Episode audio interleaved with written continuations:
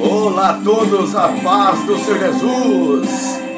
Como vocês estão? Eu estou bem, vocês estão bem? Vamos para a reflexão da palavra de Deus, meus amigos.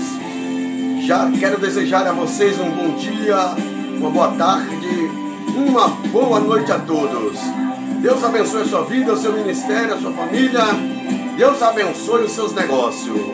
Você está na Rádio Cenáculo Web FM, a melhor programação cristã.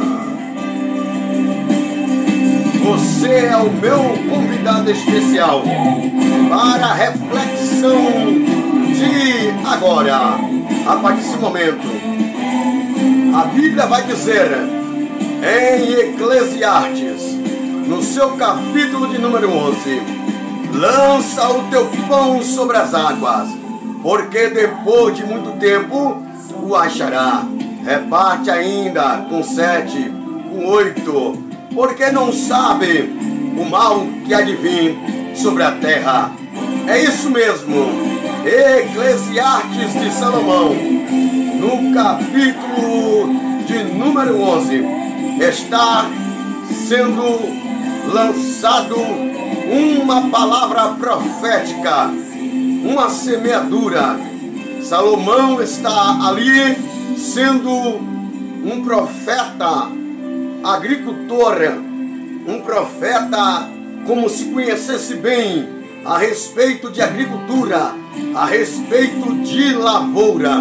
E a Bíblia vai dizer que quando Salomão narra o capítulo de número 11 de Eclesiastes, dizendo: Lance teu pão sobre as águas, porque depois de muitos dias o achará. E ainda ele aconselha, dizendo: reparte com sete, reparte com oito e ainda com trinta, porque não sabe que mal adivinhe sobre a terra. Ei, querido irmão, ei, querida irmã, ouvinte amigo, ouvinte amiga da nossa Rádio Sinacom Web FM. A Bíblia vai falar que é melhor dar do que receber. É melhor dar do que receber. Deus está dizendo: ter, faça o bem. É isso que Salomão também está dizendo: faça o bem. Salomão está sendo sincero, dizendo: faça o bem hoje, porque amanhã tu poderás colher também o bem que fizera. Se tu e eu, nós, ouvinte amigo, igreja amada, plantar coisas ruins hoje, amanhã certamente no ciclo da vida esta coisa ruim vai se transformar, vai se transformar em algo pior e vai vir para conosco pior em dobro.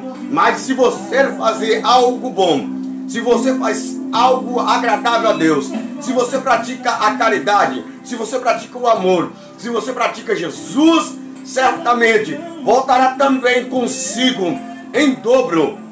Isso é Bíblia Sagrada.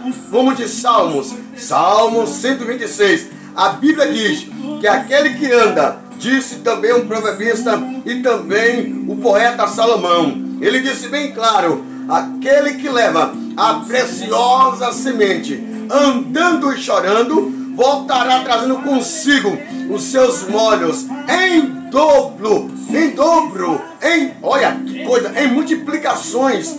Olha a lei da semeadura. Está Salomão falando e está o pai de Salomão Davi também falando. Quando você planta, você colhe. E se você planta pouco, você vai colher pouco. Se você planta muito, você vai colher muito. Se você plantar coisas ruins, vai colher coisas ruins. Se plantar amor, bondade, longanimidade, sabedoria, se você plantar as coisas agradáveis ao coração de Deus, Deus também vai fazer você colher coisas boas. O que você tem plantado? O que você tem plantado? Hã?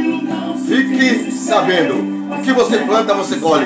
Plante o amor, plante o bem, plante a fé, plante a esperança, plante a graça e colherá a graça. Deus abençoe. Um forte abraço para todos vocês. Eu sou o apóstolo Vanilson Santos, seu amigo. Um abraço, a paz de Cristo para com todos vocês.